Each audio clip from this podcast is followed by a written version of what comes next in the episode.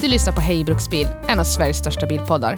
Den här podden är inte något för dig om du chockeras av någonting av följande. Grovt språk och svordomar på gästrika och hälsingemål. Åsikter dåligt förklädda som fakta. Fördomar baserat enbart på din fordonspark. Eller skämt som skulle fått dig anmäld till HR-avdelningen. Om du trots det lyssnar vidare och ändå känner dig kränkt eller förolämpad, då är du varmt välkommen att höra av dig till oss så vi kan ignorera dina klagomål. Tack för att du lyssnar.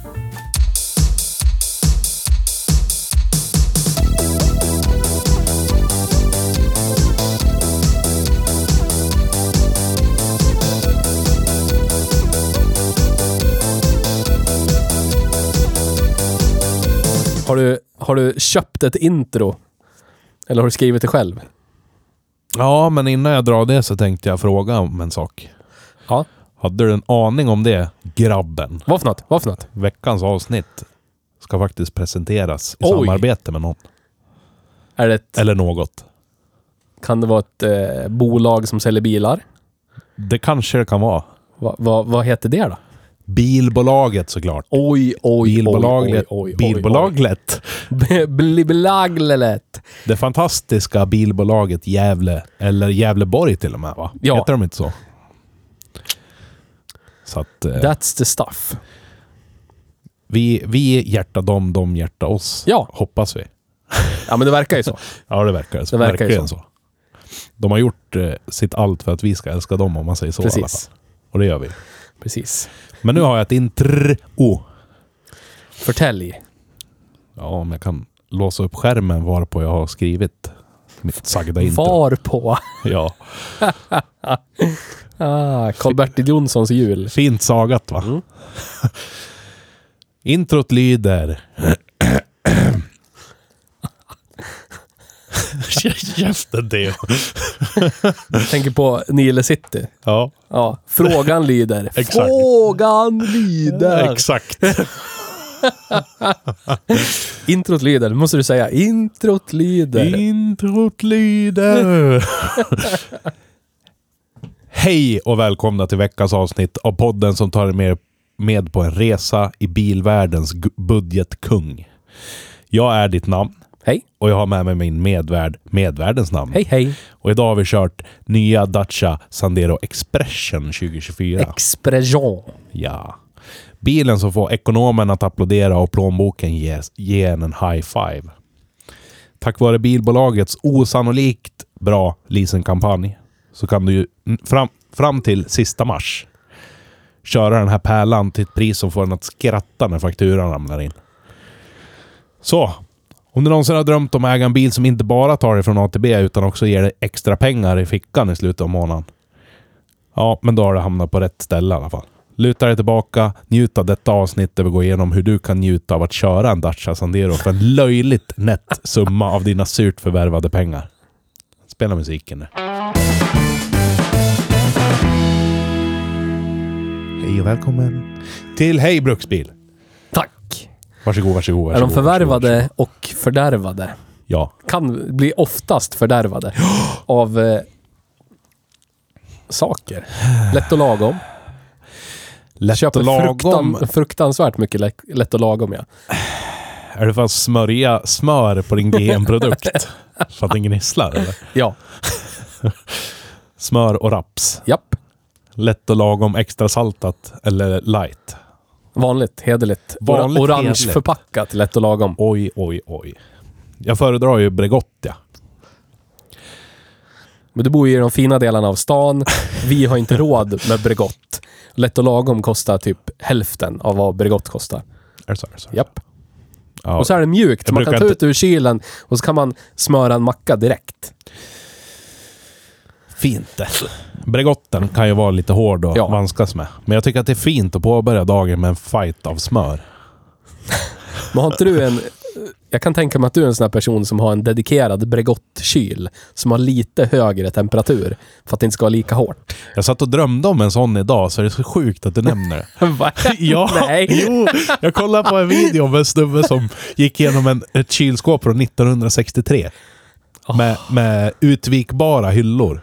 Oj, oj, oj. Satt på en stång på ena sidan innanför dörren så du kunde vrida ut alla hyllor. Så jag aldrig behöver sträcka dig in förbi mjölkpaketet och välta omkull det för att du ska ta fram syltburken exempelvis. Men i dörren så hade den en heated compartment för att hålla smöret sådär perfekt mjukt. Men inte för varmt för att eh, bli härsket. Eller ja, inte så varmt så att det blir härsket. 1963. Long time ago man. Men förstår du, för 20 år sedan så skulle du aldrig kunna förvärva den här kunskapen.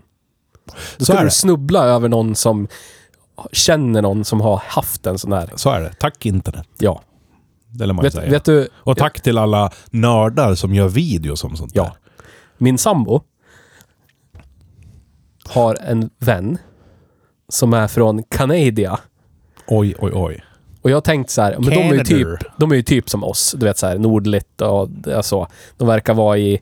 Eh, du vet, det är inte ett u-land. Det är ett i-land. Ja. Vet du, på tal om smör. Vet du, vet du var och hur de förvarar sitt smör? Nej. Gröper ur det ur förpackningen. Om de ens köper ett sånt klassiskt svenskt förpackat, typ Bregott eller Lätt och lagom smör. Ja. Då gröper de ur det och lägger det på en tallrik. Men oftast köper de ett block, du vet, Ja. som vi har som steksmör. Ja. Och så förvarar de det under en ostkupa, det vi skulle ha som ostkupa. I skafferiet. Jaha. Och så har de ett kallskafferi då. Ja, Anslutet till utomhus. ja. Men hon bor i en hyresrätt i den här staden som heter Gävle. Och hon har sitt urgröpta smör på en tallrik i skafferiet i sin hyresrätt. Det är så här. Under en plastkåpa. I våran kultur så är det psy- psykopatvarning Ja, på sådana här grejer. Smöret ska vara ett smörpaket i kylen. Ja, Och så får du på din höjd skära upp två jack i den så att du kan ha smörkniven nedstucken fast locket är på. ja, Då, då, liksom, då, då tänjer du på gränserna. ja. Men det är okej. Jävlar. Kulturberikande, Ja. lär jag säga. Ja. Men då måste, jag har bara en fråga. Ja. Är huvudet i två delar? På riktigt? I två delar? Ja. Vadå i två delar? På alla kanadensare som man har sett i South Park i alla år. Ja, det är sant. Det är så här underdelen av huvudet till överdelen Och bara så bara studs, studsar ja. runt. Så. Så är det där. Exakt Och så är det bara prickar som ögon. Japp. Okej. Coolt. Men hon är jättesnäll, men man blir ju tveksam när hon har smöret i skafferiet. Och så en gång i timmen så sjunger hon Åh, Canada! Ja. Och det skafferiet är ju varmare än vad det är i köket, för det står bredvid kylskåpet. Aj, aj, aj. Det kanske inte var någon hit. Nej, men hon har smöret där, för det har man ju. Ja, ja. Det, ja, så länge det inte blir härsket så... Ja, men det är why not? Har du choklad i skafferiet eller har du den i kylen? Om du köper en, en eh, Marabou-kaka eller någonting. Oftast brukar jag ha den ligga i skafferiet för att skafferiet är rumstempererat hos mig. Det, om det inte är mitt i sommaren och det är jättevarmt, då kan jag ha den i kylskåpet. Den får inte smälta liksom. Men jag gillar inte heller att bita i choklad så säger det klick. Jag tycker choklad ska vara lite sådär. Men 20 grader varm kanske. 18. Jag tycker om sjugradig choklad. Ja. Ska ligga i kylen, i dörren Knäckhård. högst upp. Ja, Knäckhård. grejer det. Ja, nej, Man så får det, ont i käften. nej, det är inte min grej. Jag gillar den som man köper den i butiken när den har legat Ja. så här 18 grader. Men nu har vi egentligen eh, en del i vår nya satsning, satsning Hej livsmedel. Ja, Hur förvarar du dina livsmedel? Jo, Precis. så här på det här sättet. känns som att det kommer bli en del sidospår idag. Det börjar bra innan vi ens har återkorkat. Ja, ja, ja, ja, ja, ja. Oh, Canada. Återkork. ja. Vad, vad har du Ingenting har, har du hänt. gjort? Eller? Jag vet att du har älskat snö förra veckan. Ja, vi, vi försökte ju, det, det ska ju sägas, vi försökte in i det sista få till att vi kunde åka och spela in ett avsnitt. Men eh, vi hade extremt lokal nederbörd just där jag har strategiskt köpt mitt hus. Holländsk fågel. Ja. yes, Mr Word Games. Yes. Nej men så i Gävle var det, hade det fallit typ en dess. Och där jag har mitt hus strax söder om Gävle hade det fallit typ en halv meter. Så det var fruktansvärt snöigt. Och jag måste... Jag har liksom en, eh, vad kan det vara, 50 meter lång väg in till mitt, min garageuppfart som jag också måste ploga, som kommunen inte plogar. Och där någonstans så blev det omöjligt för mig att åka ett fordon ut från min tomt. Men Petter kom till undsättning i en Toyota Hilux som bara körde igenom snön utan problem.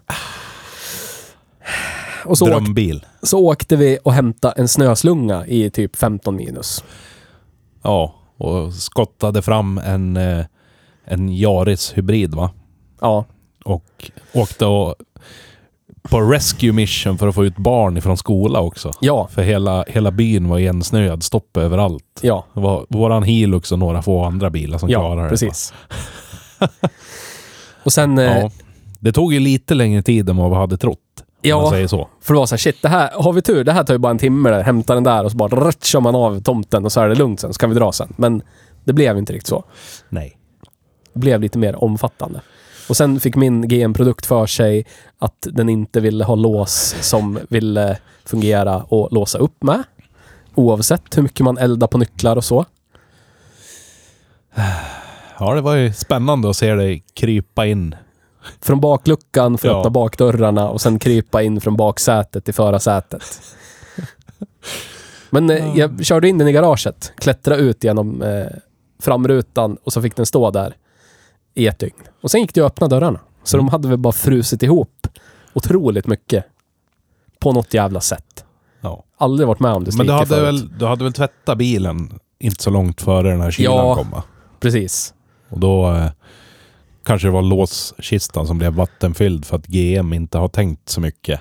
GM hit och GM. Opel har inte tänkt så mycket när de har konstruerat vattenavrinningarna. Ja, och så kan jag tänka mig gummilisten på utsidan mot rutan. Ja, Den eh, kanske inte riktigt identifierar sig som en tätande list längre. nej, nej. Så vattnet har väl runnit ner där och lagt sig runt den jävla elmotorn som inte fungerar till mitt centrallås som inte fungerar.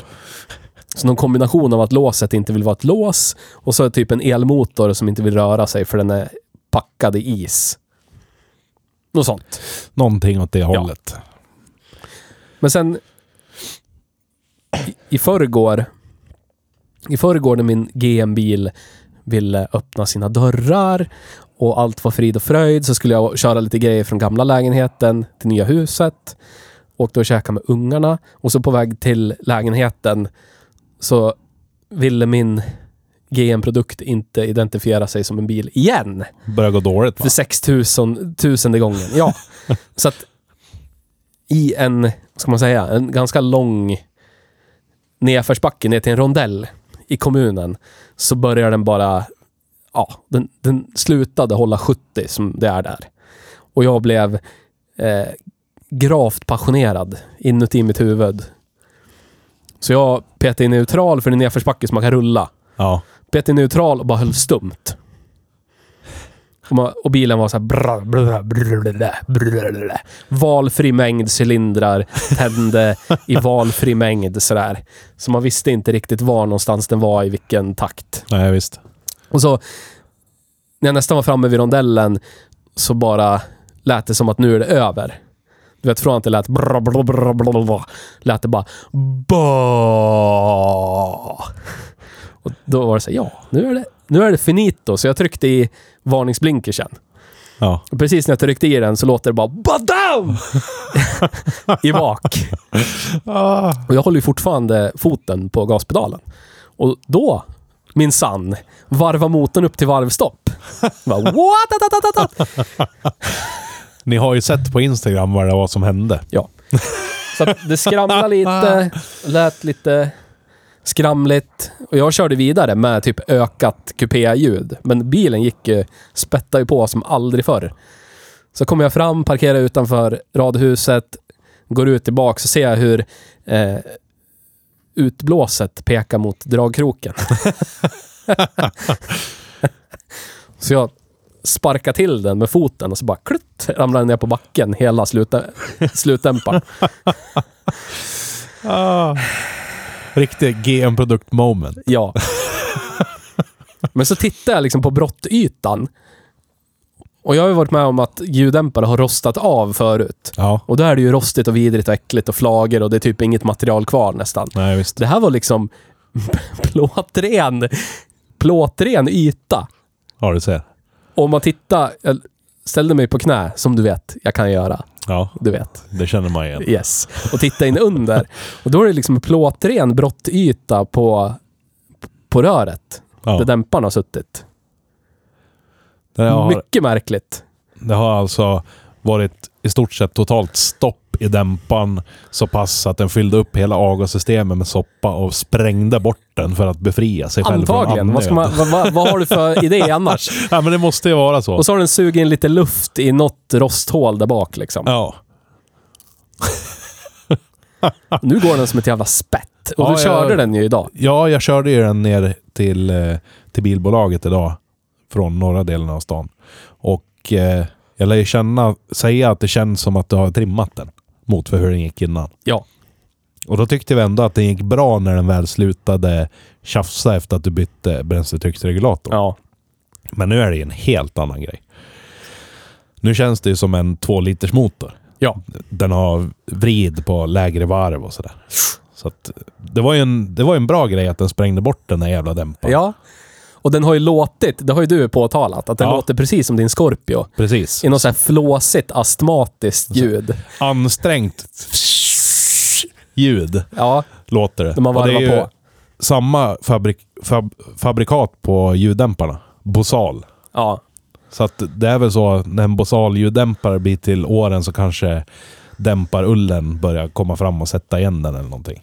För jag Ja. tror att det där är en sån som är packad med ull. Ja.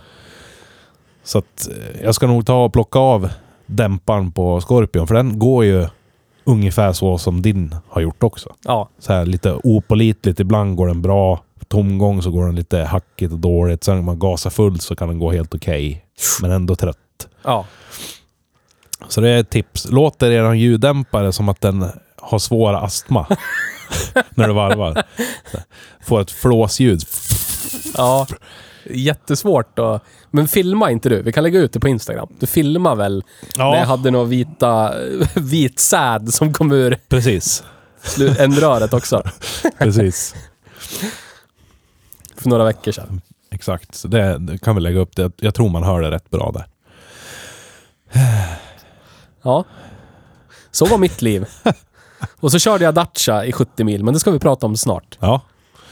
Själv så har jag hjälpt dig med att snöröja. Ja, Sen har jag prokrastinerat lite. Och så har jag eh, lagat bakbromsar på min Chevrolet. Så att jag har också hållit på med min GM-produkt. Men jag har ju liksom inte hållit på för att jag måste för att den inte vill göra det den ska. Så. Nej, jag, jag har ju tagit... Jag tog ju det strategiska beslutet att åka en 5000 kronors bil till vardags. Så att Ja. då får man ju lida lite med all rätt. Och jag tycker man, det har jag sagt många gånger i den här podden, man ska lida lite. Ja, Då vet man att man lever. det håller jag med om. Det är alldeles, eh, alldeles rätt. Livet ska inte vara så jävla lätt jämt. Nej. Nej. Men eh, för mig så var det ju att eh, skevan hade börjat med anliggande broms på nyårsnatten när vi var ute och cruisade runt. Och det där tänkte jag åtgärda. Felsökte genom att ta bort bromstrumma vänster bak för det var där den hade gått som varmast. Enligt utsago från chauffören på nyårsnatten. Och får se att hjulcylindern på den sidan är fuktig på undersidan. Och allting ser allmänt rostigt ut. Och typ jättedammigt. Så att jag tänker, ja men en ny hjulcylinder då. För att backarna var jättefina. Ja. Bes- och då tänker jag så här. Ja, nu är det en Chevrolet. Klockan är eh, 16 på en vardag. På en fredag till och med var det. 16.00 på en fredag. Och jag behöver en hjulcylinder till en 77 Cheva Caprice. Vilken tur att vi har proffsbildelar här, här i Gävle. Ja. Vad är det? Nej, ljudet försvann i hörlurarna. Vi har lite technical problems Jaha. här idag. Men eh, proffsbildelar i alla fall. En Ja. liten shout-out till dem. Åkte dit, han har grejerna på hyllan. Även monteringssats med nya fjädrar och allting. Så att jag tar isär allt, slipar rent eh, hela den här... fan kallar man det? Backing plate på engelska. Plåten som all, hela bromsanordningen sitter i. Det, Bakplåt. det, är ju, det är ju Om det inte var tydligt nog så är det en trumbroms. Men allt det slipar jag rent, gör ordning och målar och sätter ihop allt. Luftar. Och så märker jag när jag ska lufta att vad fan, kommer nästan ingen bromsvätska. Jaha, huvudcylinder tänkte jag. Den Ja. är ändå 46 eller vad fan det blir år gammal. 47, 46, ja skitsamma. Men... Eh, eh, så att jag, jag tänker att ja, ja, jag får beställa en huvudbromscylinder helt enkelt. Det är inte hela världen. Då får jag i alla fall någonting som inte är rostigt under huven också. Ja. Men det var ju lite snabbt tänkt av mig. För jag tänkte inte på att det finns ju faktiskt en bromsslang i systemet till bakaxeln också. För det går ju ett bromsrör framifrån hela vägen till strax ovanför bakaxeln. Ja. Där går det över till slang såklart. Ja. För att sen gå till två bromsrör ut till trummorna. Ja. Så att... Eh, vad blir det då? I torsdags eller någonting? Så bestämde jag mig för att byta slang och mycket riktigt så var den sopslut. Helt stopp inuti och började mörkna utanpå också. Ja. Så jag bytte den, gjorde i ordning bromsrören. De var inte så schyssta. Fick eh, bocka till ett nytt till ena sidan för nippen gick av när jag skulle lossa det såklart. Men eh, det var ju snabbt gjort. Och nu har jag ba bra bakbromsar igen. Så då i lördags var det. Drog vi ut i skogen. Jag och Robban med hans underbara Scorpio som bara har gett och gett också. Som en GM-produkt ungefär. Drog ut i skogen med de här bilarna och så körde vi skiten i grejerna på grusväg. Eh, snötäckt grusväg, 15 minusgrader. Bred och fin väg uppe i en eh, eh, vindkraftspark som vi har utanför stan. Och det är första gången som jag verkligen ligger i och sladdar så här med en sån här bil. Och det var helt underbart. Den, den enda nackdelen skulle jag säga, det är vikten. Ja. För när det väl börjar gå överstyr så är det inte lika lätt att rädda upp det här aset till bil. Det är liksom det är som att ta Viking Cinderella och så ska du försöka styra in den med decimeterprecision någonstans. Ja. Så känns det. det är så, här, Oj, nu börjar, det, nu börjar det bli lite mycket här. Jag ska släppa av. Oj, det vart ingen skillnad. Håll i, hoppas att det går bra. Ja, ja. Sen, sen när man har lärt känna den, då är det ungefär som att sladda Volvo 740. För den som har gjort det så vet man ju att det är... Man skulle kunna göra det med förbundna ögon om man har sladdat lite i sina dagar. Så att grusväg där ute i skogen. Eh, just där så är det ju faktiskt inhägnat också, men det är öppet för den som vill ändå att komma in där. Men där finns det ju liksom ingen som rör sig. Det är bara upp till, till eh, vindkraftverken. Ja. Så jag kunde ju ligga på rejält. Häftig upplevelse att ligga i snörök i runt 100 kilometer i timmen på riktiga bredställ i den här kaprisen. Skitroligt. Alla borde prova. Precis alla.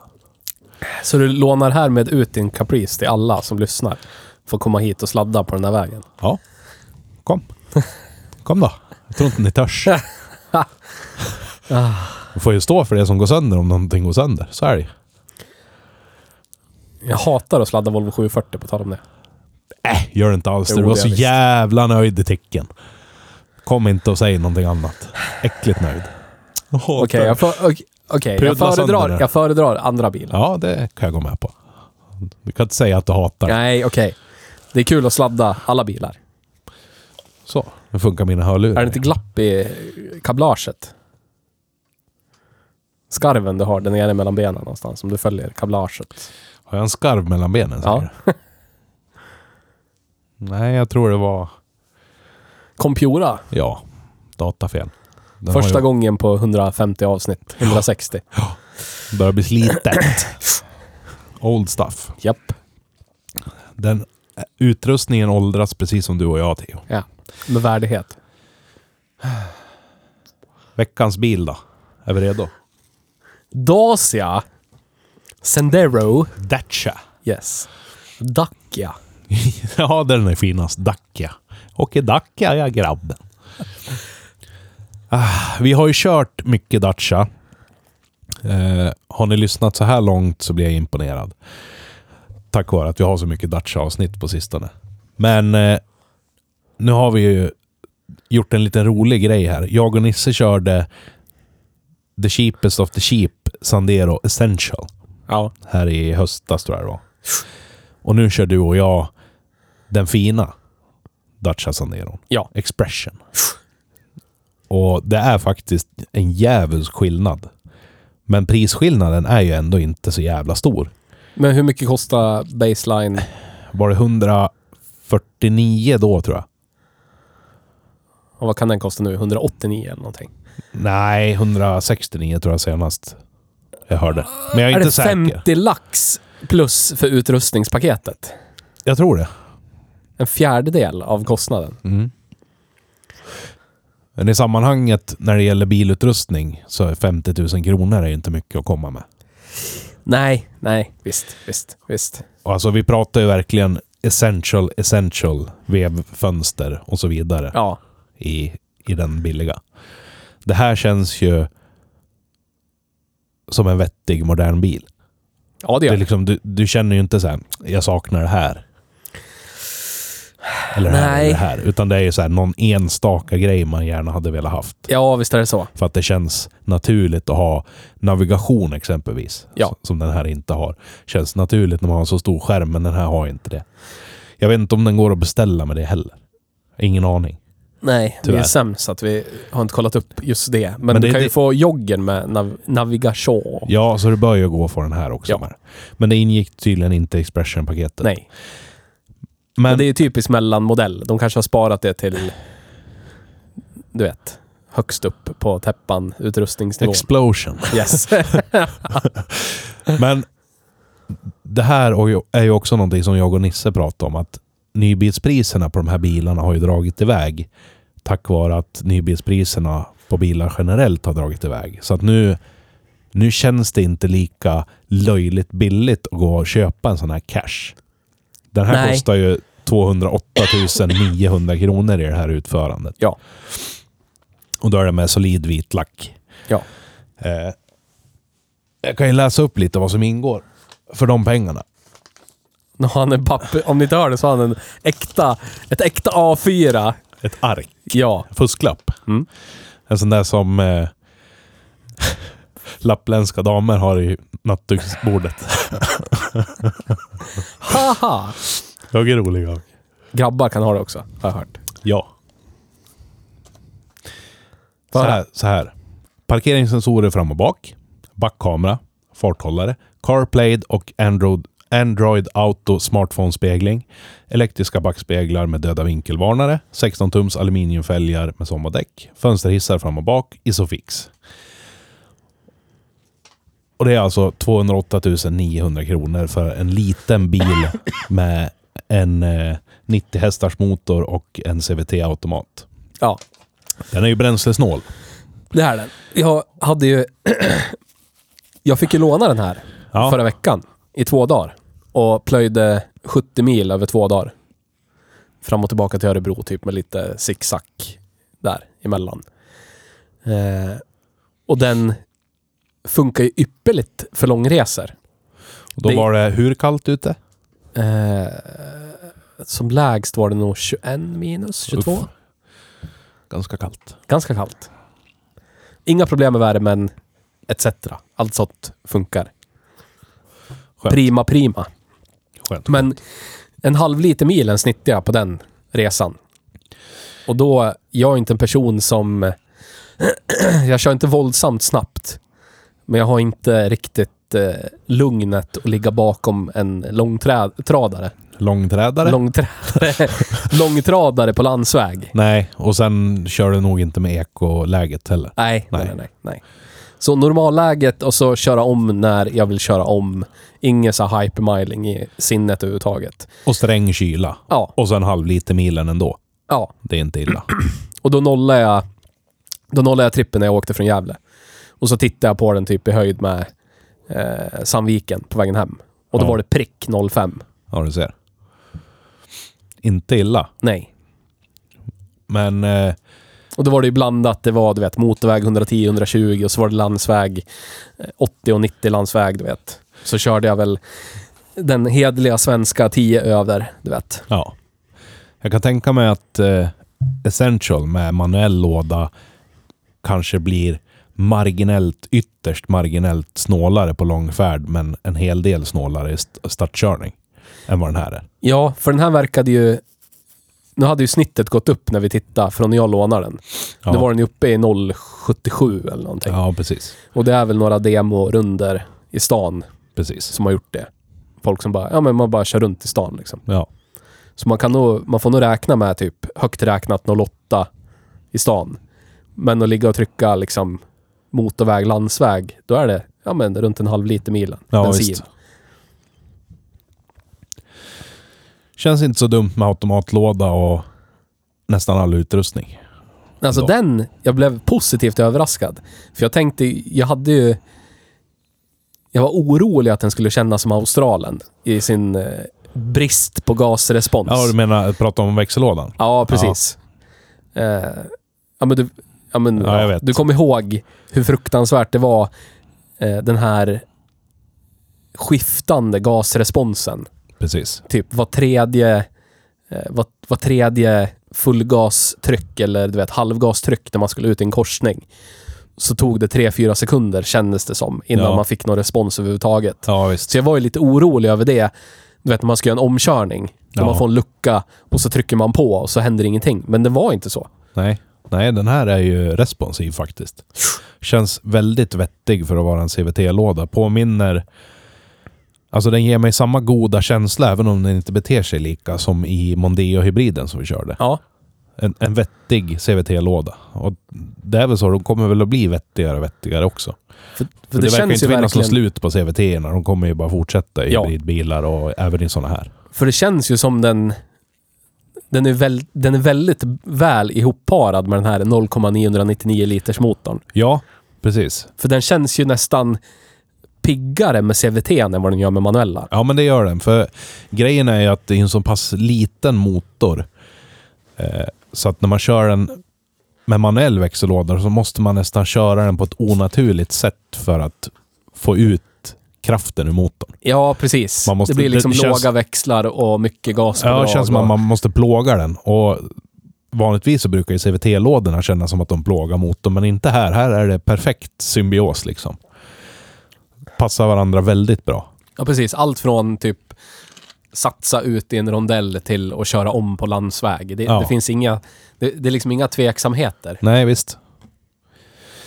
Nej, så det, det är nice. Men eh, åter till det här med nybilspriserna. Ja. Jag skulle ju aldrig köpa en sån här cash. Nej, men det känns som marknaden... det, det här är en bil man leasar. Ja, och inte bara för att det är lite väl högt för att köpa en sån här ny bil och sen kanske man bara har den i fem år och sen är den värd 50 000. Ja. Eller vad det nu kan bli om man inte sköter de grejerna. Men alltså, jag har här på pappret den här leasingkampanjen från bilbolaget. Ja. Det är alltså, det är löjligt. Här har alltså kampanj med privatleasing i 36 månader hos bilbolaget Gävle. 2415 kronor per månad. Och då ingår vinterhjul med friktions eller dubbdäck. Och eh, standardlack.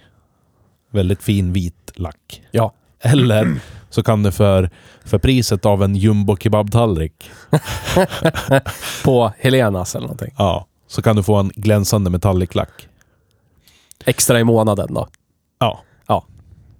Och det är så, skippa, skippa din Hawaii och två liters cola en gång i månaden. Så har du metalliclack på bilen istället. Ja. I ganska fin färgpalett tror jag de har. Dessutom. Mycket coola färger hos Dacia. Det här avser ju alltså 1000 mil per år.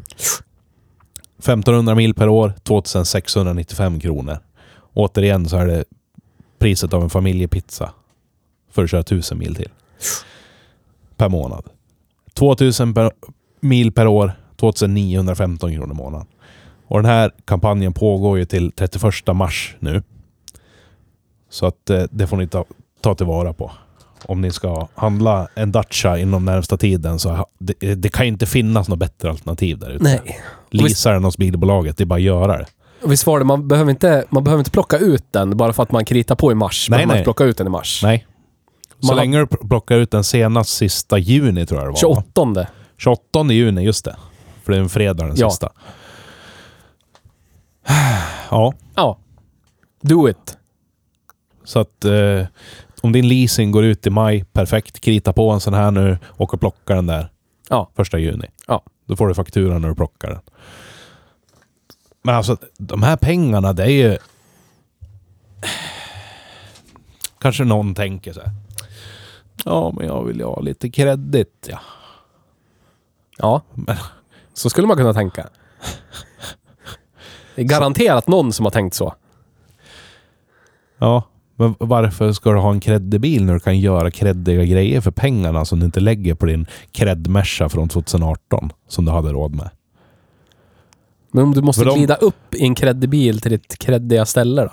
Nej men det spelar ingen roll, för vad någon än säger så kan du kontra med att du gör någonting som är sjukt mycket kreddigare på helgen efter jobbet eller på kvällen efter jobbet som de inte har råd med för att deras cred BMW eller Mercedes står på verkstaden och kostar dem 50 000 den här Ja. månaden. Du kan köpa en dyr pizza med så här sesamfrön på. Jag tänker mig att du har nog råd att ta med dina 1,7 barn och tredjedels hund och din fru eller man på en spa-weekend på Norra berget. Är du Sådär, sponsrad av Sundsvalls kommun nu? sådär i slutet av, eh, av januari när alla andra går på knäna och käkar hårt brödnudlar. Det är fint det. Så har du råd med det för att du har tagit det här leasingavtalet. Ja. Skulle kunna vara så. Och så kommer alla på jobbet och undrar hur har de råd hela tiden? Kolla, det är nya märkeskläder var och varannan månad här. Kolla nya skor. Och köper nya paddelrackets hela tiden. Ja. Varför har inte vi råd med sånt för? Ja, för att ni har gjort bort er. För ni åker en kreddig bil som är trasig hela tiden. Medan han åker en sprittny Dacia som bara fungerar och fungerar. Och sen efter tre år så tar han en ny bra kampanj hos bilbolaget. Och så bara rullar det på. Lush life. Dålig Yes. bil. Ingen dålig bil så, men inte kreddig bil. Nej. Okreddig bil, kreddigt liv. Ja. Dold kredd i bilen. Jag har, jag har åter till fordonet. Ja. Tack bilbolaget för att vi får låna den. Gå och leasa en bil hos bilbolaget etc. Prata med Johan Hammarlund. Ja. Söt-Johan. På Renault Dacia-sidan. Ja. Och det är två saker. Varav en av de här sakerna jag känner mig som nästan en nödvändighet nu för tiden. Känner jag. Adaptiv farthållare. Ja. Men det där, det där... Jag fattar inte att det inte är standard i alla bilar. För den har ju farthållare. Ja. Och det, du vet, det kan man ju egentligen... Ska man gå tillbaka bara tio år, en sån här billig bil i det här segmentet skulle ju aldrig ha farthållare. Nej. Vet, inte eh, touchskärm överhuvudtaget och inte automatlåda för den delen heller. Men adaptiv farthållare. Jag saknar det så in i helvete. Det är helt underbart när man har det. Folk kör inkonsekventa hastigheter ute på vägarna. Ja. Folk kan ju inte använda farthållare Nej. tyvärr. Så att då är det ju bättre att låta bilen göra jobbet åt den Ja. bara. Och det är ju frustrerande, för det är ju ett moment man ändå måste ha koll på. Det är Mm. drygt. Så antingen får man liksom stänga av farthållaren och du vet, backa av och så slå på den igen. Eller så får man sitta där och klicka upp och ner, upp och ner i hastighet hela Japp. tiden. Det är drygt. Det är en sak. Ska jag erkänna en dum grej som jag brukar göra när jag tröttnar? Ja. När det är sådär. Ja. Då lägger jag mig så avsevärt mycket högre hastighet än alla andra så att jag slipper bry mig. Vänsterfil hela vägen, mata bara.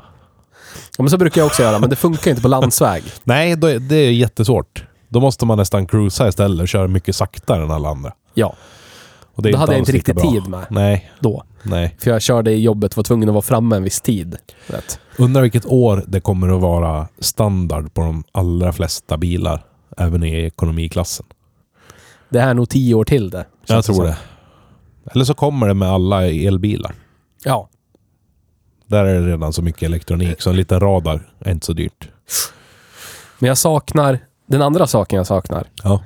Som till och med min shitbox kadett från 90 har, som jag inte förstår varför de inte kan lösa i Dacian. Fler inställningsmöjligheter på, på förarsätet. Ja, Du kan bara faktiskt. ändra den i höjdled och Precis. såklart skjuta den framåt och bakåt. Men och vinkla ryggstödet. Men du kan inte vinkla sitsen. nej. Det är det som är problemet. Och det kan jag ju göra med kadetten. Då är det en liten vev, precis Ja. som på Ford Kärra. Du får Ja. liksom luta dig fram lite så får du snurra på det här vevhjulet. Ja, Och så tippar den neråt i bakkant, eller uppåt då. precis. En sån enkel grej. Ja. Det var göra... standard på den billigaste shitboxen för 30 år sedan. Varför kan de inte bara lösa det för? Precis. Nej, jag saknar också det där som fan. Alltså, jag hade ju att välja på nu. Antingen så sitter jag med huvudet konstant emot innertaket. Ja. Eller så sitter jag nere på golvet så att mina ben är i luften ifrån den Ja. lite för korta sitsen. Och då har man ingenstans att vila knäna emot liksom. Nej, inte så att det blir bekvämt i alla fall. Du sitter liksom i en kompromiss hela tiden. Ja. Och det funkar väl om man bara ska åka i stan, om man har 2-3 kilometer till jobbet så kan man väl stå ut. Ja, då är det inga problem. Men att sitta och köra 70 mil, som jag gjorde, visst, över två dagar, men 35 mil i stöten ändå. Det var inget kul. De har åtminstone lärt sig att göra bekväma säten mot för eh, Logan som vi körde. Ja, absolut. Jag hade inga...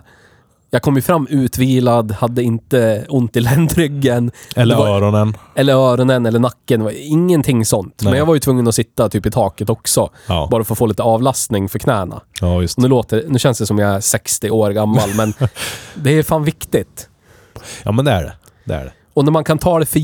Om man, som jag, åker Opel Kadett E till vardags och jag kan ta det för givet där att det finns. Ja, Så förväntar jag mig nästan att det ska finnas i en bil som kostar över 200 000. och är från 2024. Ja. Så ja, jag håller med. Eh. Och sen var det ju en grej som, som jag har stört mig på. Vad? Bakluckahandtaget. Ja. Längst ner på luckan så är det liksom, eller ja egentligen högst upp på kofångaren, Ja. så är det en urgröpning för att få in handen mellan baklucka och stötfångare. Och där släpper du liksom låsningen till bakluckan. Och det funkar väl jättebra om du bor i Kalifornien, kan jag tänka mig. Ja. Men här funkar det inte så bra. För vart ligger det snö och is och grus och damm och vägsalt. Allting hamnar ju där som i en tvålkopp av misär. Ja. Och där ska du köra in handen för att få upp bakluckan.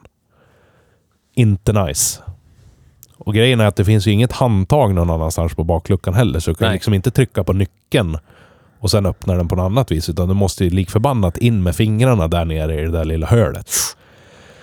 Och gröpa. Och du kände väl på det här då när du åkte med den? Och då var det en iskaka där. Ja, precis. Så jag fick ju smöra in handen i snö och is och typ försöka peta bort snön så jag kom in Ja, och öppna bakluckan. inte så genomtänkt. Nej. Det är väl säkert en, en sak som man vänjer sig med med tiden och sådär. Men det blir så här vagel i ögat, du vet, Ja. för en annan. Och sen hade ju du upplevt mugghållaren var ju så- sisådär. Ja, den, är den har ju ett armstöd, den här, som är jävligt nice. Ja. Faktiskt. Ja, det var det, det är inte ett sånt här... eh, Att mittkonsolen fortsätter upp över handbromsspaken. Nej, Det är inte den typ av armstöd, utan det är ett... Eh, vad ska man säga? En flygplanstols eh, eller tågsätes armstöd du kan liksom fälla upp. Men under där är ju mugghållarna. ja, Precis bredvid eh, handbromsspaken. ja, Och det är ju lugnt att ha någonting där och ta upp det. Men att sitta och köra och sen försöka böka ner någonting där. ja visst. Det, det är skitsvårt. Då måste du titta ner. För annars ställer du en mugg på sniskan och så rinner det ut, vilket jag gjorde. Ja, Inte blir- liter och liter och liter, men du vet, det blev så här varmt kaffe på handen. ja, Jag är arg och vill typ, du vet, sikta på en snödriva i hundra blås och så ska jag flyga ut i geografin bara för att straffa bilen, du vet. ja, För ja. att jag bränner handen på kaffet. Och det är inte bra. Nej, och det, det som stör mig med det är att det finns ju utrymme att flytta fram och upp mugghållarna. Ja. Skulle man bara flytta fram dem en decimeter och sen flytta upp dem fem centimeter så Ja. skulle det bli no problems. Så är det. Men men. Men det är inte alla bilar som har mugghållare heller. Så jag Nej, vet så inte är det. man ska Det är liksom... mugghållare som standard och de är ju perfekt storlek tycker jag ja, också. de är bara... De är... Det är en efterkonstruktion. Lite felplacerade. Ja, men det känns som här har vi plastsarg som vi inte gör någonting med. Ja, vi gör två hål för muggar. Det blir bra. Där kan de vara. Så är det. Men jag vet inte... Är det... Vem är det som kan ha designat inredningen där? Är det en... eh, Är det en eh, rumän, tror Jag vet inte. Jag vet inte hur det ser ut organisatoriskt på Renault. Men om man lyft, öppnar huven, om du bara tittar på rutan överallt står det ju Renault, Renault, Renault, Ja. Renault, Renault. För den, jag känner ingen Renault-anda i inredningen. Nej, Utan den känns ju genuin Dacia, liksom. ja, det är inga så här Den konstiga... har ju personlighet. det är inga men- konstiga översättningar, det är inga Nej, konstiga nej. radbrytningar fast det inte behövs. Precis. Såna här grejer. Så på det sättet är det ju inte Renault. känner- det känns inte väl igen- genomtänkt på något sätt. Ja, men precis. Jag känner inte igen designelementen från Renault heller. Nej. Så att... Det jag tänkte först var, när vi pratade om mugghållarna, var att ja, men, man får ju känslan av en fransk bil lite grann i Dacia. Så tänkte jag, ja, men vad fan, en vinpava går ju lätt att hitta rätt med där nere. Så det är väl det de har tänkt. Men sen nu kom jag på, vad fan dricker en rumän då? ja, inte vet jag. Kan det vara... Inte kava i alla fall. Kan det vara en, en och en halv liters petflaska med, med mineralvatten? Ja, så kan det vara. Den skulle ju gå lätt att hitta rätt med där. Jag, jag läser på Wikipedia-sidan för Dacia Sandero. Ja. Och du vet, det står Dacia Sandero is a subcompact, bla bla bla bla, var den är byggd, bla bla bla, vad det är för segment. Och det är så här, ja ja, det, det är vanliga om du ska så här, googla på en bil och kolla på Wikipedia-sidan. Ja. Men längst ner, sista meningen här är Some say, some say it is the best car ever made.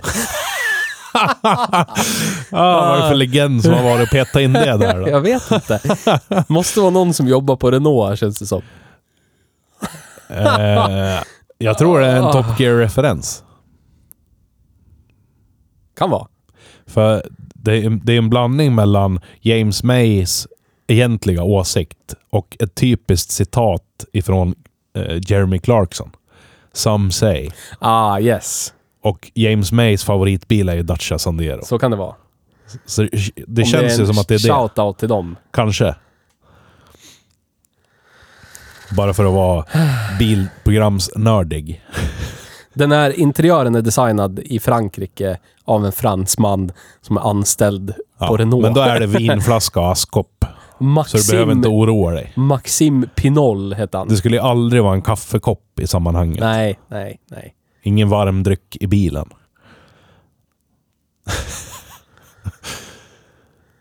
Så då förstår jag. Men jag trodde det var en eh, kommittébil, men det verkar inte så. Nej, alltså de har väl inte kört riktigt det stuket. Utan det är mer så här det gamla tillvägagångssättet att göra bilar. Vi tar fram en plattform som vi litar på och sen kör vi vårat, vårat race med den bara. Istället för att ta fram en plattform och så ska vi leva på den i 40 år. Och så återanvänder vi allt hela tiden till allt. Det är en... Oj, jag vill inte... Jag vågar inte säga. Han är från Asien. Japan? Du, du vågar Korea. inte säga för att du klarar inte av att uttala. Erde Tunga. T-U-N-G-A-A. Okej. Det är han som har designat eh, utsidan. Och Ah. han var lead exterior designer på Renault från 20, år 2000 till 2021. Oj, oj, oj. Ja. Nu jobbar han på Nio, elbilstillverkaren. Ah. I see. kan man göra. Men eh, en sak som jag har tänkt på, speciellt nu när du nämnde den där, det är väl en kinesisk, är det inte? Nio. Ja. Ja. En sak som, som jag måste säga om den här Dacian är att den känns ju... Den känns så vettig när man tar på den. Ja, alltså upp, hög upplevd kvalitet faktiskt. Essential blev ju lite burkigare och sådär. Inte lika mycket utrustning, inte lika mycket saker som tar plats och tar upp ljud och sådär. Men den, den här Expression, den kändes ju faktiskt... Alltså det kändes som en mycket mer väl genomtänkt och väl utförd bil på alla sätt. Den Ja. är ju, det är inget knirrknarr någonstans, det är inte så mycket burkiga ljud.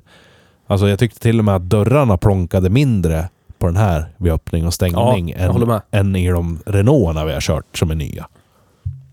Ja. Och då ska ju Renaulterna vara mycket mer high-end. Kostar ju mer än dubbelt så mycket och så vidare. Och så vidare. Jag förstår inte, jag förstår inte hur man väljer att köpa en Renault när de här står i samma hall och man kan klämma på de här. kan ju vara trogen till märket. Ja, men vem är det? Ja, ja. Det finns sådana. Ja, men jag vet en. Ska En du vet inte, jag. Ska du inte... En vet jag. Ja. En vet jag. Ja. Och han går runt i en Renault eh, sportjacka. Eh, jacka. Jag vet. gul, gul, vit, svart Renault sportjacka har han på sig på sommaren som en blazer. Vet du vem det är? Nej.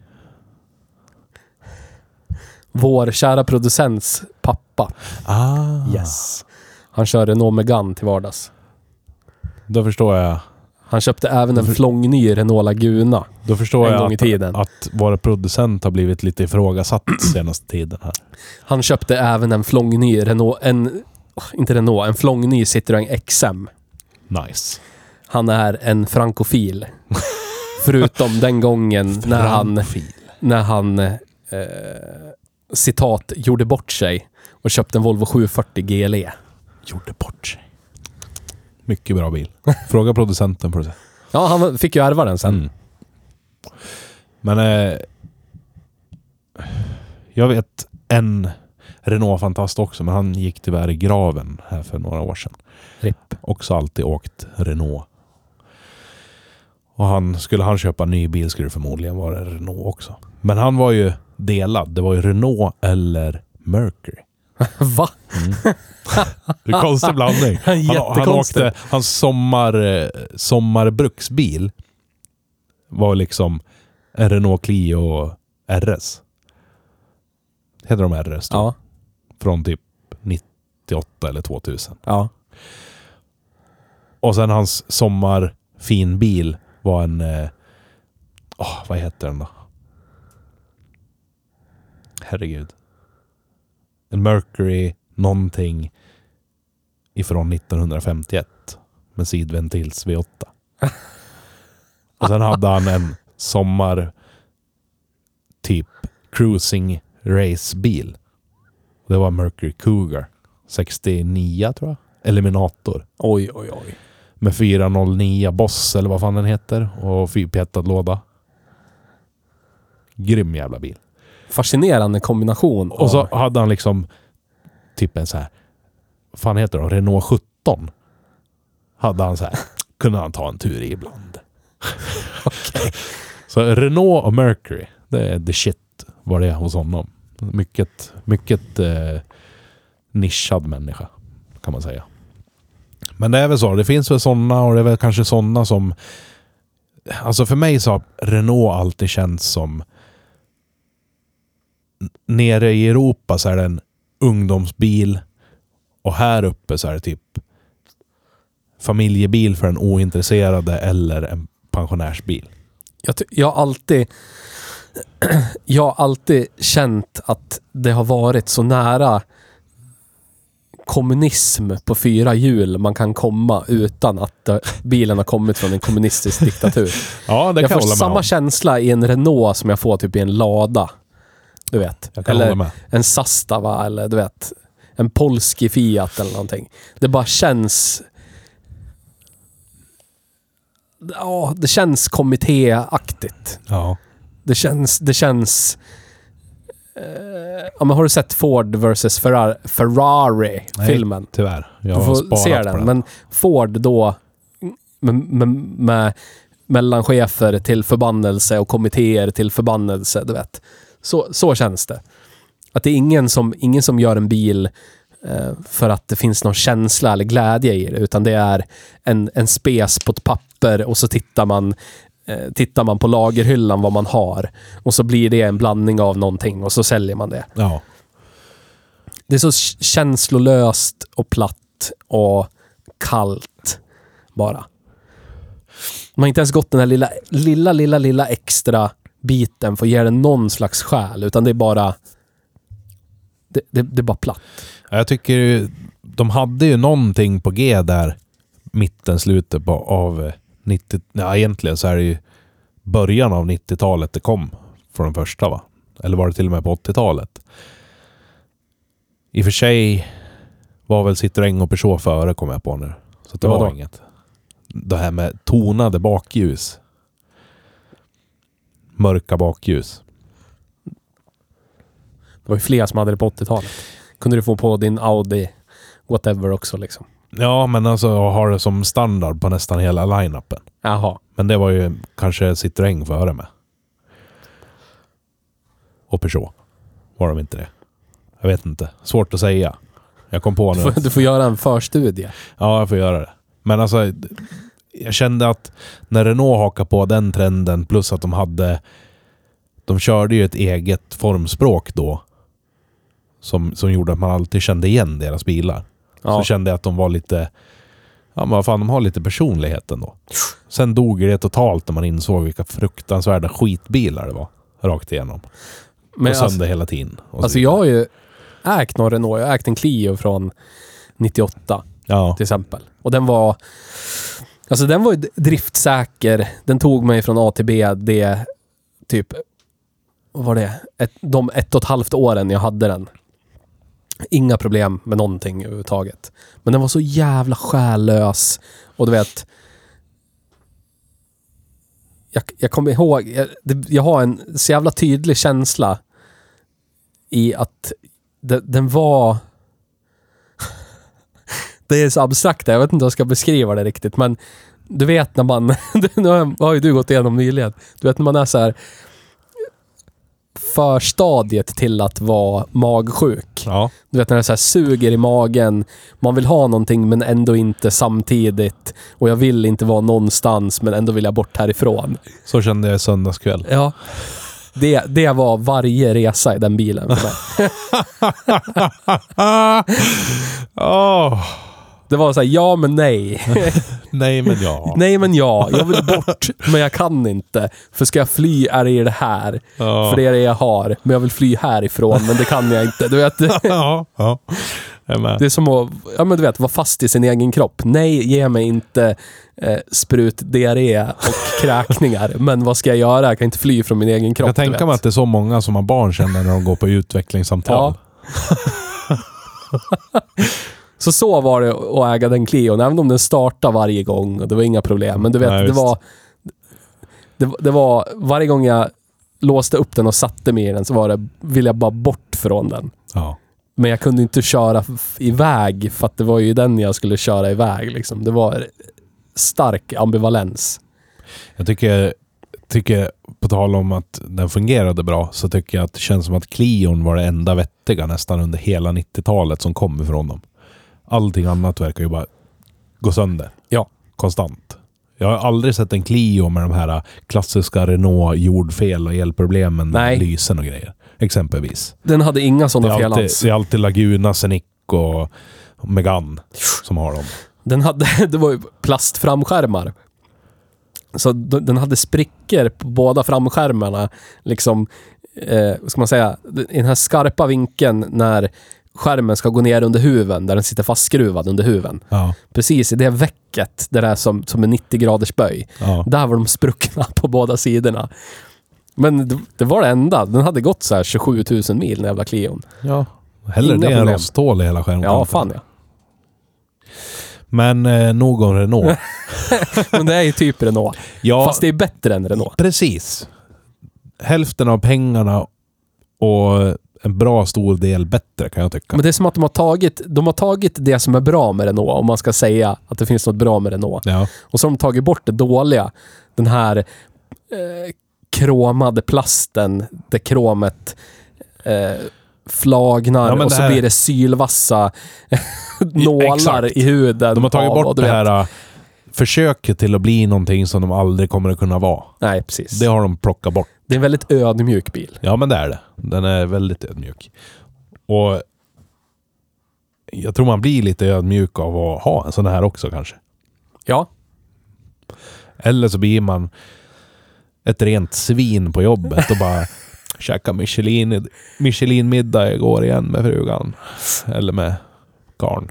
Ja. Du vet. Bara skryter om hur mycket pengar man har över för att man har fått en så billig leasing hos bilbolaget. Jag, ha- jag, hade en, jag hade en jobbarkompis för, för några år sedan som var motsatsen. Jag bara kom att tänka på han. Han åkte... Han hade köpt en maxutrustad Mazda CX-5. Du vet, så här med Ja, skinnkläd... Du vet, så här, om du så här fullspäckar en sån eh, crossover CX-5 fruktansvärt ful bil. svart med tonade rutor. Allt var så här superspäckat. Vet, och vet du vad han åt till lunch? Nej. Eh, han... Han eh, ställde några Denniskorvar i en kaffe, kaffemugg. Kalla ut från korvpaketet i kylen och mikra dem. och när de var mikrade så hällde han ner senap i botten på kaffemuggen och så doppade han korven och åt bara korven med händerna. Senapsdoppad Denniskorv. Rätt ur en kaffemugg. Det var hans lunch. Och han, hans frukost var havregrynsgröt gjord i kaffemaskin på jobbet. Men gud bevare Så han hade havregryn och så tog han tevatten ur kaffemaskin. och blandade runt. Mm. Mm. På tal om bra det, spara pengarna dagen. så att man kan ha kredit någon annanstans och inte Tänk i bilen. tänk dig om man hade tagit den här istället. Va? Ja. Han hade kunnat sitta och käka, käka liksom entrecote till frukost. Ja. ja, men han tyckte det var gott med, med korv och senap till, till lunch. Och Han kan inte tycka att Dennis korv är gott. Ingen tycker att Dennis korv är gott förutom hundar och småbarn. Det är det vidrigaste av det vidrigaste av det vidrigaste av det vidrigaste som finns i livsmedelsbutikerna. Ah. Det finns ingenting Men, äckligare Petter, att lägga Petter. sina pengar på än Dennis-korv. Jag blir, jag blir kränkt för att den fortfarande finns att köpa. För människor att In- konsumera. och in- Stoppa inte sånt skit i munnen, för helvete! Jag, jag förstår inte varför de inte brandat om det, för vem fan kommer ihåg Dennis-serien nu? exakt, exakt. Dennis the Menace. Ja. Ja, den riktiga jävla Menace som säljer den där äckliga, vidriga jävla slaktavfallskorven. Fy Det fan! borde vara snopp och snippa-korv istället. Det- Alla vet vad det är. ja. Men man ska tilltala barnen, tänker jag. Ja, men vad gör? Det är väl det de gör? Vad fan är det du säger? Ja, men, Jävla CP. ah, ta det där ur kontext. Så blir det bra. nu ska Yes. du inte se ner på folks matvanor, tycker jag. Jo, det ska jag. Dennis hotdogs. Högfärdigt. Ja, men herre... Volvo-föraren pissar på Snälla alla nån. runt sig i vanlig Snälla ordning. nån, det finns mat som är minst lika billig, om inte billigare, som är tusen gånger bättre än Dennis hotdogs. Så där säger du bara för att du inte är sponsrad. Jag lovar dig tre avsnitt. Det här avsnittet sponsras. Aldrig, aldrig, aldrig, aldrig. Så har Petter fått en lastpall Dennis-korv ute utanför dörren. Det bara plingar på dörren en dag, så öppnar du dörren så står det en lastpall med Dennis-korv Fy ute. fan. Jag skulle bara springa. Så långt bort ifrån den där. Fan vilken vidrig pall. Usch! Nu, nu, vi pratar inte så mycket om bilen, men jag kom på en till sak. En till uh, urspårning på urspårningen på urspårningen. På tal om Dennis-korv. Ja. När jag var typ 18-19, då hade vi ett svagt ögonblick en sommar. Hade vi som nöje att åka och kasta Dennis-korv i huvudet på folk. ja men det, det är... Titta! Vilket... Det är ett bra användningsområde och en hommage till Dennis the Menace i samma, Ja. samma sväng. Så jag hade min antracitgråa Ford Sierra. Typisk IS. Ford, Ford-människa. Ja. Och att kasta korv Så på folk. jag, kör, jag körde min Sierra. Och så hade jag en kompis, kan ha hetat Nisse, i passagerarsätet. Oj, oj, oj. Eh, och så stannade vi vid alla busshållplatser där det var folk. Med rutan nedvevad och så sulade man två, tre korvar på människorna som stod och väntade på busshållplatsen och så drog vi iväg till nästa busshållplats. Genialiskt. Ja. Det var, Så kan jag- gör inte så. Det här var jättelänge sedan.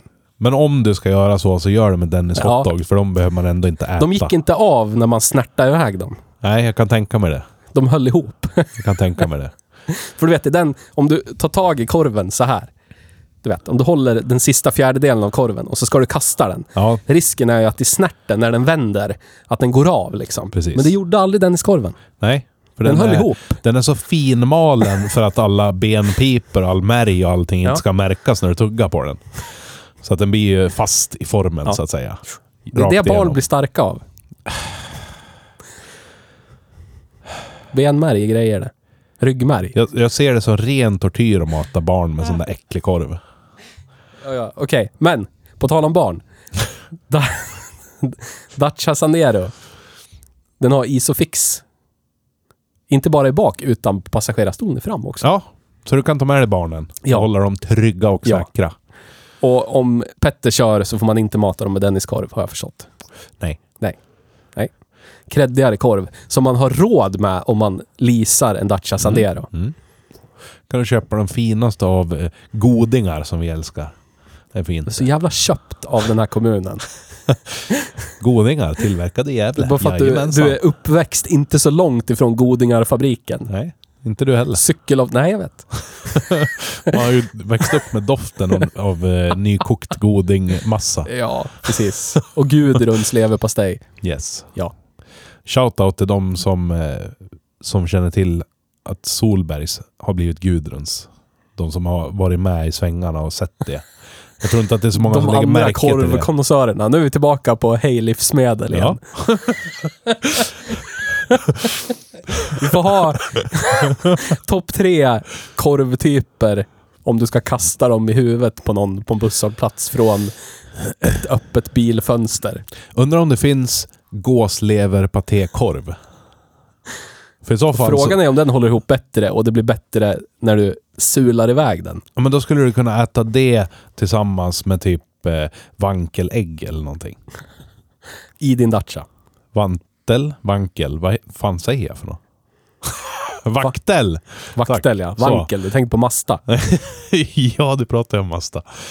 Masta-snubben där, han kunde äta vaktelägg och gåsleverpatékorv till frukost om han hade köpt en Sandero med leasingen ifrån bilbolaget. Ja, tänk dig den. Slå upp det på bordet i fikarummet. Ja. Ja, alla andra sitter och dreglar med sina jävla lingongrova med någon tunnrökt skinka. Usch. Ja. Det är det där jag menar. Okreddig bil, fett liv. Det är därför du åker Volvo. Nej. Jag har det ju bra ändå så jag kan hålla på sådär ändå. Ja, just det. Du bor ju på rätt sida stan etc. Fina områden. Det är så här, jag behöver inte åka en ny bil så därför åker jag billigt i en gammal bil. Jag gör hellre det. Det finns ingen anledning för mig att åka ny bil. För skulle Nej. bilen krångla så lagar den själv och Ja. så vidare. och så vidare. Jag bryr mig inte i om allting är spritt nytt och orört och bla bla bla. Så att, så att, så att. Ja. Men! Är det driftsäkert? Är det kreddigt? Vill jag gå in på drift och kredd? Ja! Och... det var... ah. Idag låter... Hej och välkommen till Diagnospodden.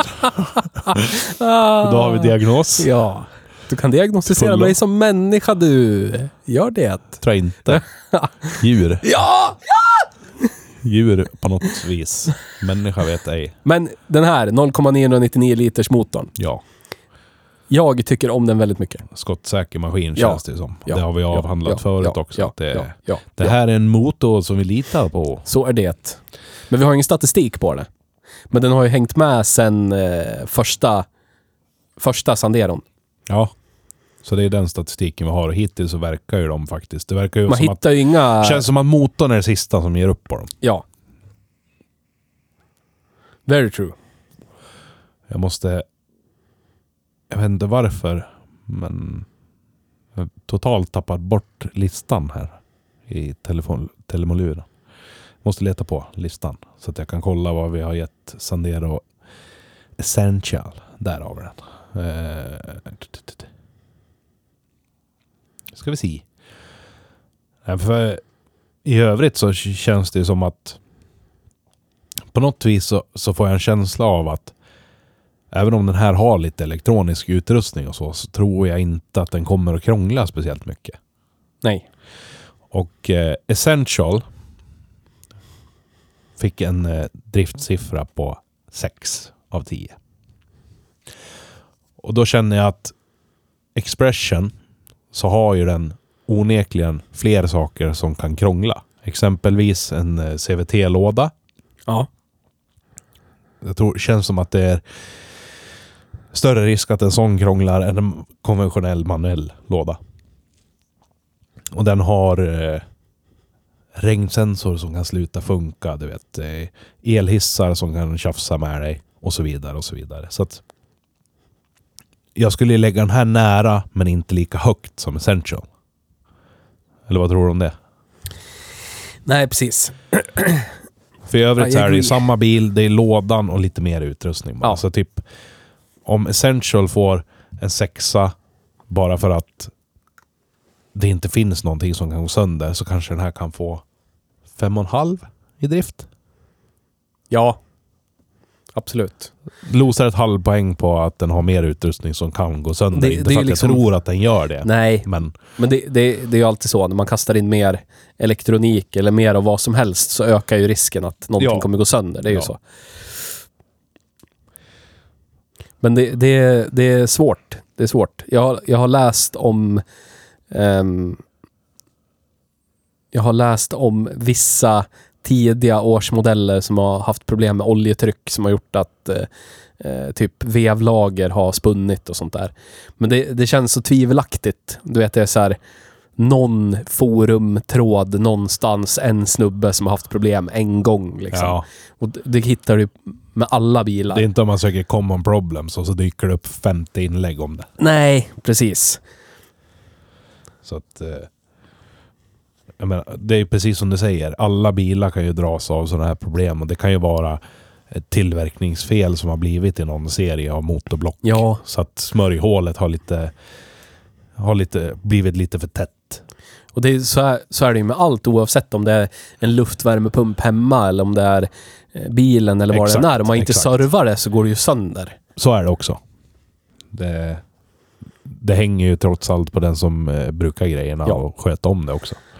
Så vet man ju inte, den där som har haft problem med vevlager, har han verkligen servat den som man ska? Har han använt rätt olja? Men det, det känns ju, inte för att klanka ner på någon, men det känns ju som att det här om eh, 20 år är en classic Chuck Pounder-bil. Förstår jag inte vad du menar. Om man ska titta på vad min kadett har för eh, rykte, inte just mitt exemplar, men om du skulle, du vet, stoppa in kadett E i något slags sammanhang, så är det inte i de välbärgade områdena det står kadett E på rad, du vet, utanför de fina villorna. Direkt. Nej, nej. Så på samma sätt tror jag inte Bara riktigt en att... liten ort utanför Gävle. Ja, precis. Där husen bara kostar runt 2,5 miljon. Precis. Där kan det stå en. Mm. Men förstår du vad jag menar? Det känns som att om 20 år kanske vi har var tredje, var fjärde som har spunna vevlager. För att de som, de som äger bilarna måste spara i flera månader för att ha råd att serva dem. Ja, Och då blir det ju inte så att man servar bilen. nej. Då kör man ju tills det rasar. Och så har de ju trots allt byggt de här motorerna med något moderna toleranser för att de ska gå friktionsfritt och så vidare. Ja, de har ju varit tvungna att ta sig igenom, du vet, alla utsläppskrav och allt Ja. sånt. Inte som en kadettmotor som kan gå med 30 år gammal olja om den så vill utan att det rasar. Nej. För att den är byggd som en gammal traktor. Ja. Exakt. Så Nej, men så att det är ju i förhållande... Man kan ju... all- En modern motor kan ju aldrig vara lika eh, driftsäker som typ en Volvo rödblockare eller en nej. Ford Pinto-motor. Jo. Käften. Pintomotorn är ett jättedåligt exempel. Vilket jävla skräp till maskin. Men Usch. den Scorpion. Den Scorpion har gått 15-20 år utan att någon har rört ventiljusteringar. Den startade och gick ändå, även om den lät som ett jävla tröskverk. Ja, men där har vi Och någonting som där kallas, har du inte, det kan du inte få med den där Det kallas för- 0,9 liters. kallas ombytta roller. Där var det en bil av 3000 som fungerade bra. Eller en motor av 3000 som fungerade bra. Här är det en motor av 3000 som fungerar dåligt. Behöver inte gå in på Ford mot Volvo Säg, igen. säg, säg Köln V6 så kan jag hålla med. Okej, Köln V6. Så ja. Där har vi driftsäkerhet. Den kan man till och med spöa med laddtryck så att den levererar det dubbla effekten vad den skulle ha. Ja, Och det håller ihop. Ja. Och håller ihop och håller ihop och håller ihop. Ja. Ja. det är grejer det. Ja. Men... Eh, credden. Är det här creddigare än att glida upp i en essential, tro? Jag tycker, ju, jag tycker ju att i vårt postmodernistiska samhälle så har Daciarna har ökat efter faceliften. Ja, För gamla Dacia-loggan i grillen eh, med det kromande, kromade emblemet, ja, det andas pensionär. ja det gör det. Du vet. Ja, det och gör det. ah, det, och det känns... jeepness-bil. Ja. Det här känns mer ungdomligt på något Ja, sätt. ja, det gör det. Och nytt och fräscht. Ja. Det kändes så jävla 1994 det där jävla kromade Ja, det gjorde det. Dacia-emblemet. Det här nya emblemet känns ju... Det känns så jävla rätt när man går in hos bilbolaget och så ser man Volvos nya finslipade emblem och så ser man det där Dacia-emblemet liksom. Det, det är riktigt snyggt. Jag tycker ju Renault-loggan nu ser gammal och du Ja, vet, ja. Den är utkänd. inte förtroendeingivande överhuvudtaget. Det finns en biltillverkare som har gjort en fantastiskt bra logga som står sig genom alla år, tycker jag. Ford. Ford ja. Ja, de har Ja. inte behövt ändra den heller. Ja, De har ändrat typsnitt typ på 30-talet eller någonting. Ja, men jag menar, det är hundra år sedan. Ja. Det är ju inte, det är inte som Peugeot som har haft så här 90 olika loggor. Nej, nej, nej. Visst. Du vet. Men alltså, eh, som, som jag sa där, alltså det här nya Dacia-formspråket med emblemet sprider sig som ett eko ut över grillen och ända Ja. ut i lyserna. Det är skitsnyggt. Ja. Det känns, håller med. Det känns eh, 2020-tal rakt igenom. Jag skulle önska att de hade någon fullsmetad.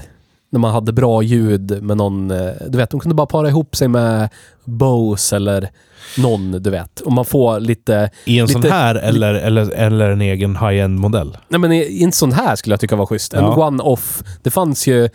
Eh, Renault Zoe fanns ju som Bose utrustningsalternativ. Ah, och då var det så. Bose ljudsystem och så var det helskinn i typ... Eh, om det var så här guldigt och svart och med lite schyssta interiörinlägg och så. Ja. Man skulle kunna gjort en sån specialmodell som inte är en specialmodell, men du vet som sticker ut lite ja, visst. och kanske kräma upp den där 90 hästarn i 150, 140. Ja, visst. Så det blir lite Lattjo. Ja. För den är ju pigg som den är. Men du vet, du har det där lilla extra och så schysst ljud. Och så kanske 17-18 tums fälgar och en liten sänkning. ja, visst. Då skulle du kunna tilltala, du vet, eh. GTI-köparen. Ja. Hot hatch eh, Ja. scenen. Exakt. Den skulle ju faktiskt tror jag slå sig fram riktigt bra där. Ja. För folk är så trött på att det är samma tillverkare som har sina hot hatch. Ja. Det är alltid Volkswagen, eh, Renault och Ford som är i täten. Så att eh, det, det skulle ju passa jävligt bra.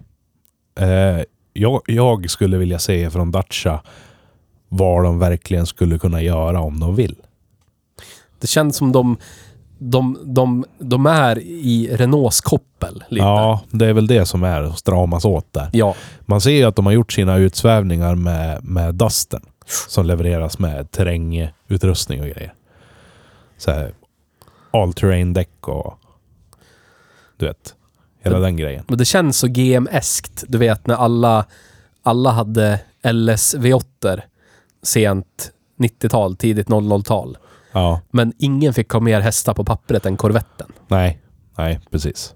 Det, det känns lite så. Ja, Gör vad ni vill, men ni får inte vara bättre än vi, typ vad Renault gör. precis. Det får inte vara en bi- roligare bil än typ en Megane RS. Nej. får du inte göra. Nej, Det är dödsstraff. Precis.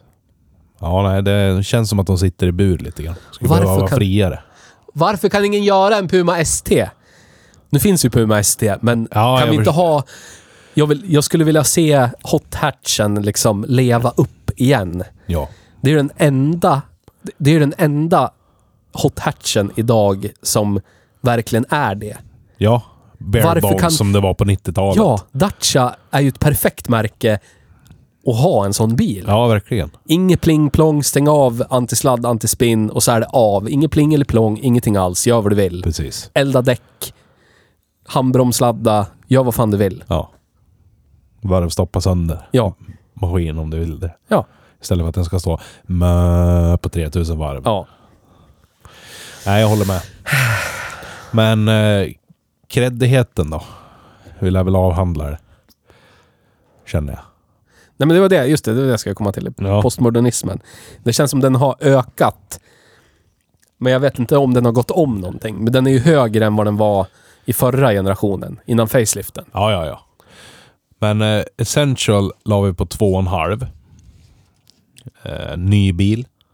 Ja, Eh, och den här moderna designen har jag för mig att jag och Nisse pratade om då också. Att den kommer upp sig lite tack vare det.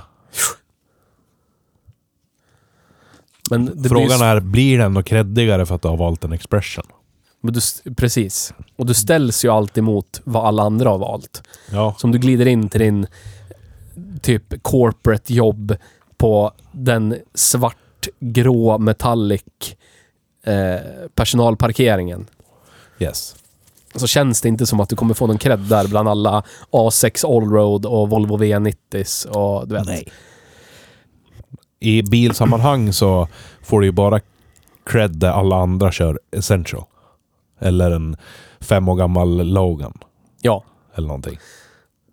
Men den kommer ju, den kommer ju, en ny sån här slår ju hårdare än en tio år gammal generisk bruksbil. Ja, men så är det. För Jag det skulle, ju, jag skulle ju ställa den här över din V60 till exempel. Tycker du det? Nu blev det... blev man lite Nej, jag bara på tänkte, bara, tårna. Tänkte bara så här. Vad, vad satte vi den på när du och jag körde den då? Jag kommer inte ihåg. Eller vi, kolla. Jag skulle inte tro det grabben. Vad satte vi den på då? Sexa. Vad fan baserar vi det på?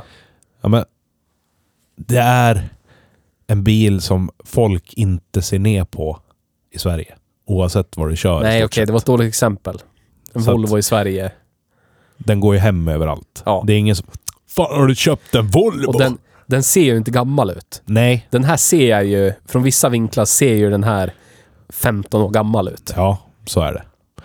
Eh, så att... Jag förstår lite vad du är inne på, men dåligt exempel. Men... Eh, Men pu- mo- Mlä, mlä, mlä. Mot en Puma ST då? Nej.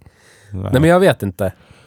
Alltså, jag skulle säga att eh, mot andra äldre bilar så är det så här. En tio år gammal Renault Clio. Så är den här creddigare. Eller en... Men är den creddigare mot en 10 år gammal Golf? Mellanmodell. 10 år gammal Ja, det tror jag. Volkswagen Up. Ja, det tror jag. Ford Focus. Typ en 12 Ja, det tror jag. För då är det en ny bil liksom. För grejen är att bilar i den prisklassen, som är tio år gamla, då börjar det bli, du vet, pundatrucksvarning.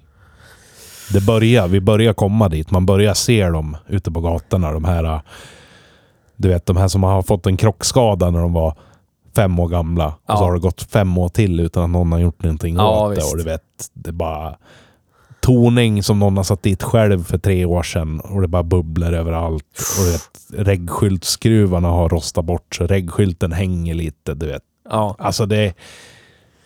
Usch-stämpeln börjar ju komma på bilarna i den klassen. Men vad hade du satt? Vad satte ni Essential? 2,5? Ja. Jag skulle nog vilja att den här är en 4 i alla fall. Ja. Vad är det som gör att den kommer så mycket högre än Essential? Är det aluminiumfälgarna? Eller är det utrustningspaketet som du måste berätta först? Ja, Det är i alla fall inte den billigaste. nej men du behöver inte... När du har fått mansplaina vad det är du har köpt så blir den gräddigare. Är det det du säger? Nej men om du bjuder, du behöver inte säga någonting, men om ni ska inte äta matlåda utan ni åker till närmaste lunchrestaurang och så åker ni i din bil som är en Dacia Ja, då är det Essential. inredningen som man upplever. Precis, och då Så känns den ju... Den känns ju mer high-end än Ja, vad den ja, kostar, ja, du ja, vet. ja. Jag Ja, ja, önskar att det yttre det. kunde avspegla det inre bättre. Ja, den, den hade kunnat fått några designelement utvändigt som berättar. För jag tror sån här fake något. crossover plast, bara man skulle ha det, så skulle man öka direkt. ja visst. Du vet. Det är som en XC70 mot en V70. Precis. Även om de skulle ha likadan utrustning och allting, då är det bara jävlar, plast. Visserligen har ju den här, jag vet ju att den har exempelvis dimljus fram, det hade inte Essential. Så jag tror... Så att, ja, du, du Den- kan vara inne på rätt spår där. Men den kanske, är, den kanske inte är mer än en trea. Nej, jag skulle vilja sätta den där Mm. någonstans, för annars så börjar vi spraka iväg lite. Men jag tror den... Om vi sätter den här på tre, då tror jag fan en Stepway, den som har, loss, den som har crossover plast, den är nog en fyra där någonstans. Ja. Bara för den sakens skull. För, det här folk är också- vet inte. Nej, alltså... Men någonting som jag har märkt när jag har suttit och pratat bilar med folk som egentligen inte är så intresserade av bilar, det är att många har fått upp ögonen för Dacia nu sen, sen eh, nya generationerna kom. Ja. Speciellt tack vare eh, Stepway och Jogger och nya Duster. De känns ju mer, mer välskruvade, de känns ju tajtare. Det känns som det är liksom... Man har lagt någon tanke på att drivlinan ska kännas schysst. Ja. Det, det känns inte lika så här bara ihopkastat som det gjorde för några år sedan. Precis. För då var det verkligen så här bara partspin från hyllan och så bara gör vi någonting. Ja, det här blev en bil. Bra, då säljer vi den. Det är Men- mer eftertanke i det här. Ja, exakt. Det, som sagt, de börjar ju utveckla en karaktär och personlighet som inte fanns där förrän för några år sedan.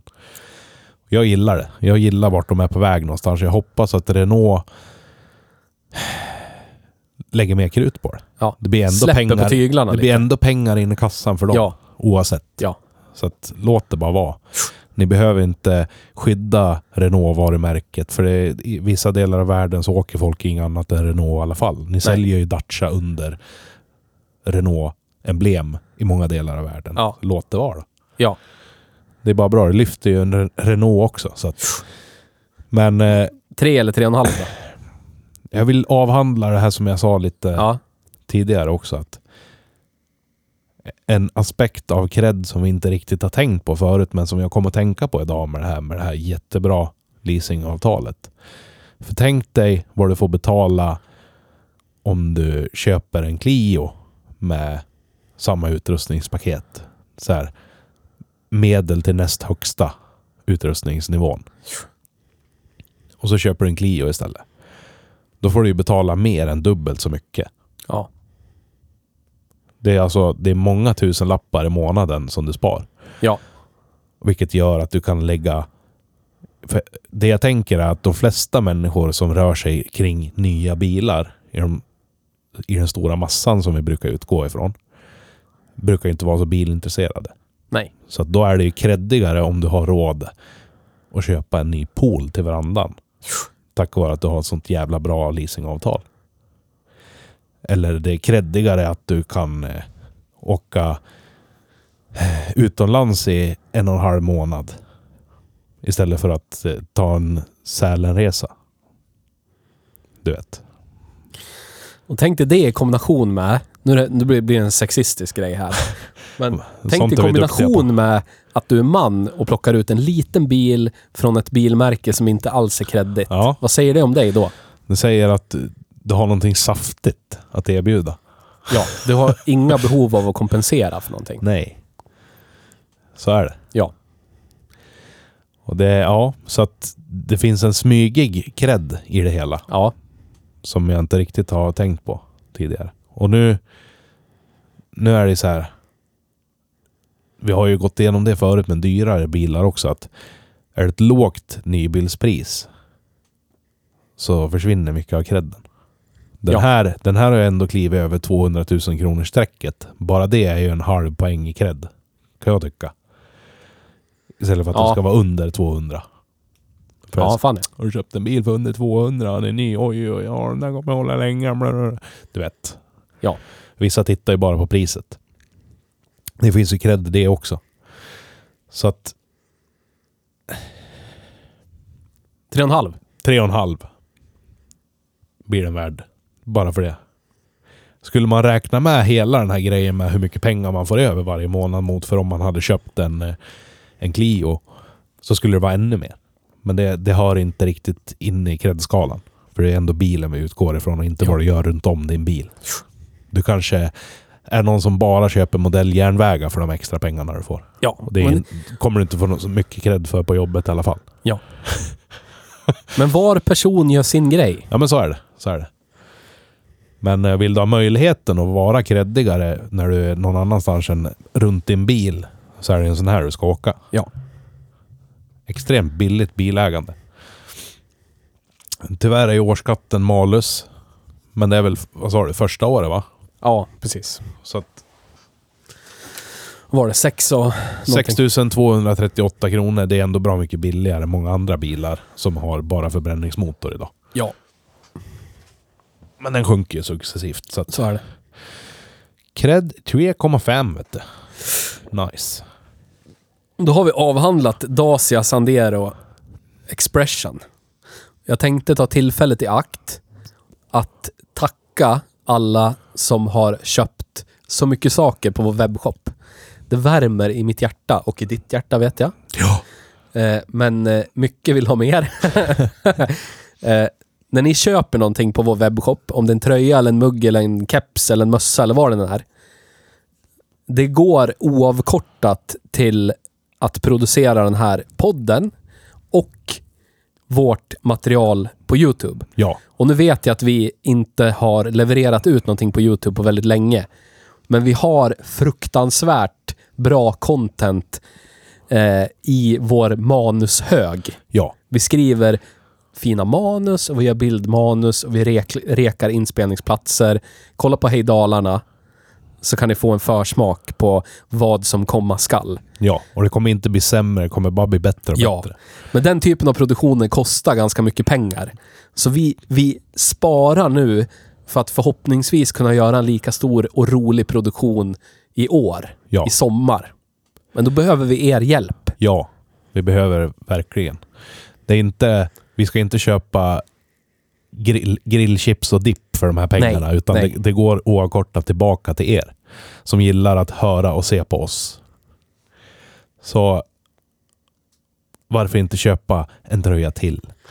Och nu har vi ju, vi har ju en Patreon som vi har varit skitdåliga på att pitcha. Men jag tror det enda alternativet där är att köpa oss en öl i månaden.